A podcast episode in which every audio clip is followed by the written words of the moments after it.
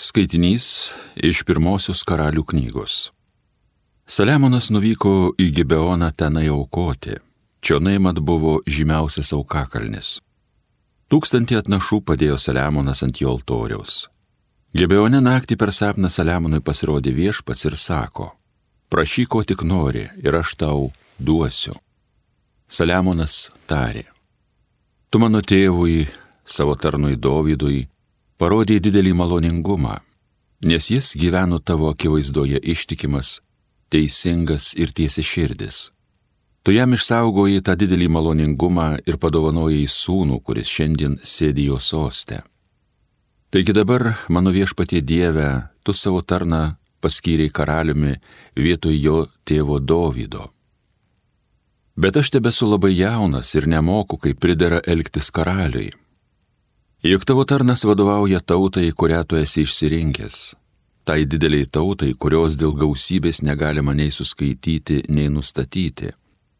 Tad duok savo tarnui nuovokę širdį, kad jis tavo tautą mokėtų valdyti ir gerą nuo piktą atskirti.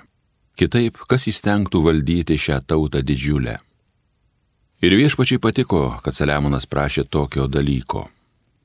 Todėl jam Dievas atsakė, Kadangi meldėtų mane šito, kadangi prašiai savo neilgo gyvenimo turtų ar priešų mirties, bet išmanimo teisingiams sprendimams daryti, tai aš tavo prašymą noriai patenkinsiu. Aš duosiu tau širdį, tokia išmintinga ir supratinga, jog iki tavęs dar nebuvo ir po tavęs nebus tokio, kuris tau prilygtų. Bet ir to, ko tu neprašiai, aš tau duosiu tiek turtų ir garbės, jog kol gyvas būsi, ne vienas karalius tau neprilygs.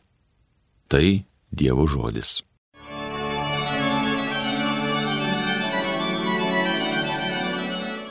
Mane viešpatie savo įsakymų mokyk. Kaip gali jaunas savo kelią išsaugoti tyrą, ogi klausydamas tavo žodžių. Mane viešpatie savo įsakymų mokyk. Visa širdimi tavęs ieškau, tik neleisk man nuo įstatymų tavo nuklysti. Mane viešpatie savo įsakymų mokyk. Giliai širdyje slepiu tavo žodį, kad tavęs neižeiščiau. Mane viešpatie savo įsakymų mokyk. Būk pašlovintas Dieve, mane savo įsakymų mokyk. Mane viešpatie savo įsakymų mokyk. Savo lūpomis skelbsiu, kas tik tavo burnos pasakyta. Mane viešpatie savo įsakymų mokyk. Stovėdamas ant tavo įsakymų kelio, džiaugiuosi labiau negu lobiais didžiausiais. Mane viešpatie savo įsakymų mokyk.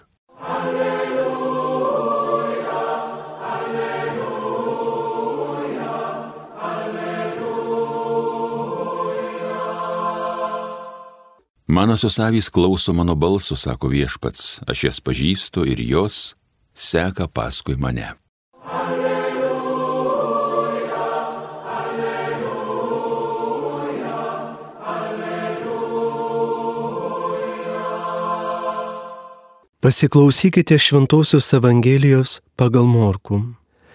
Apaštalai susirinkę pas Jėzų ir apsakė jam visą ką buvo nuveikę ir ko mokė. O jis tarė jiems, eikite savo vieni į negyvenamą vietą ir truputį panisėkite. Man daugybė žmonių ateidavo ir išeidavo, ir jiems nebūdavo kada nepavalgyti. Taigi jie išplaukė valtimi į negyvenamą nuo šalį vietą. Žmonės pastebėjo juos išplaukiant ir daugelis tai sužinojo. Iš visų miestų žmonės subėgo tenai, pėsti ir netgi pralenkė mokinius. Išlipę į krantą, Jėzus pamatė didžiulę minę ir jam pagailo žmonių, nes jie buvo tarsi avis be piemens ir jis pradėjo juos ilgai mokyti. Girdėjote viešpaties žodį.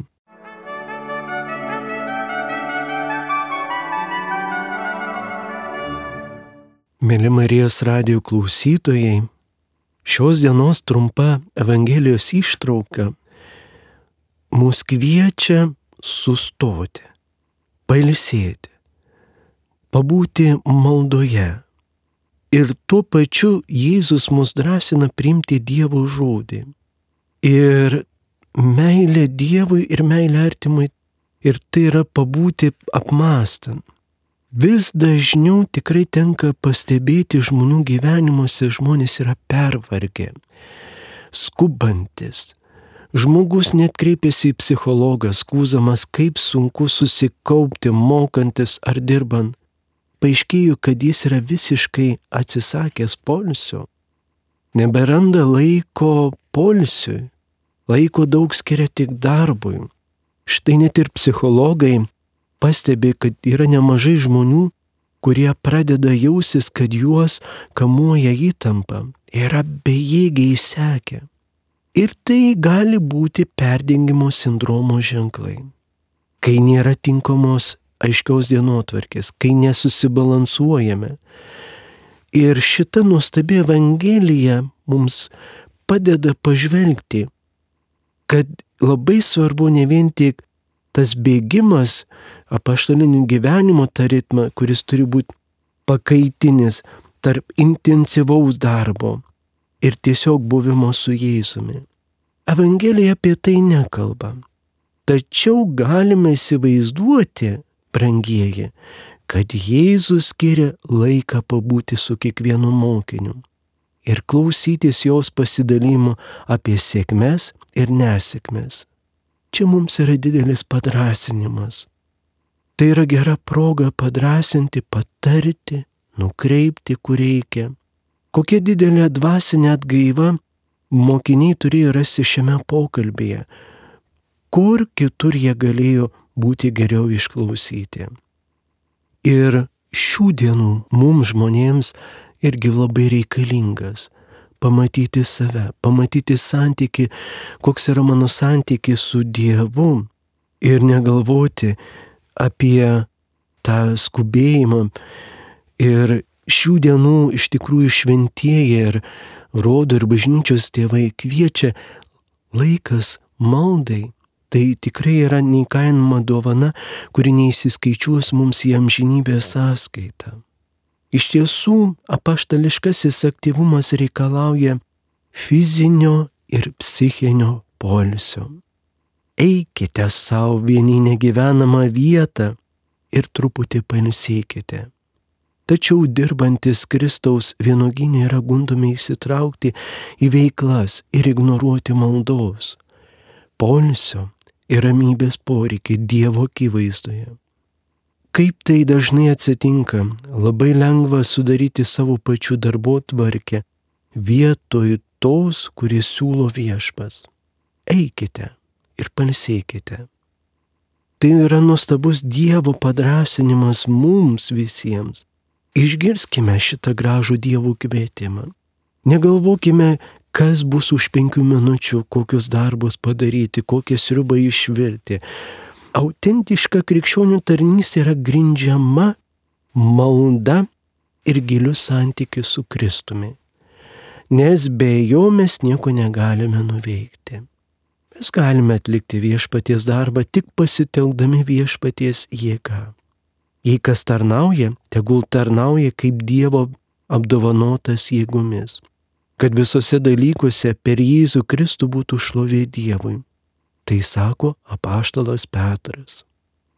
Todėl, brangus Marijos radijo klausytojai, žengdami link gavėnios laiką, kurį vasario 14 mes įžengsime, staptelsime, kad visada atsigręžti Dievo žodį. Ir tas girdime nuolat Jėzaus padrasinimą atsiverskite ir tikėkite Evangeliją.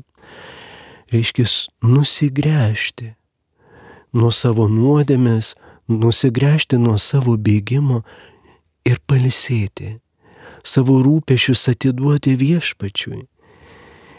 Mes galime atnaujinti savo intencijas ir būti stiprus tik maldingai būdydami Dievo akivaizdoje.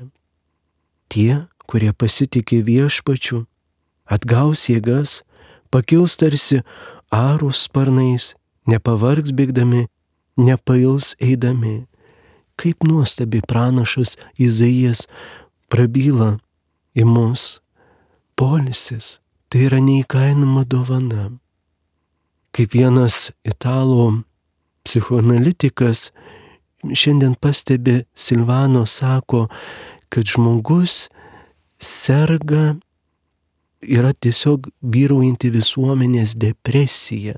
Civilizacijos, jisai naudoja tą žodį, civilizacijos depresija, kad to nesusirgtume.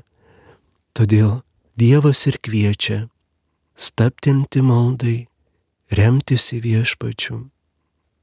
Ir čia labai svarbu atverti ir savo širdis Dievui.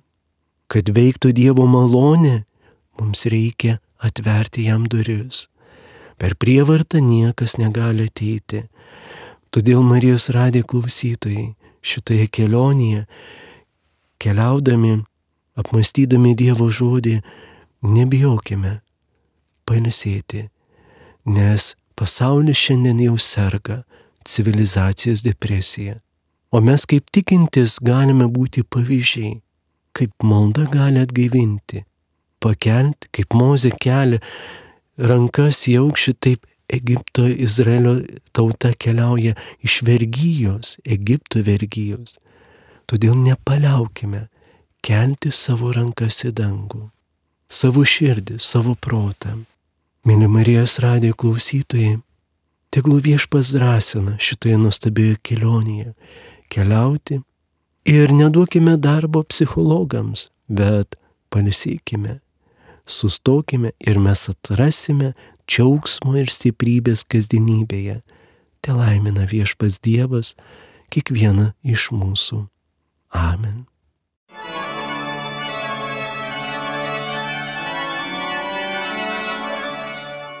Homilyje sakė brolis pranciškonas kunigas Rolandas Taučius.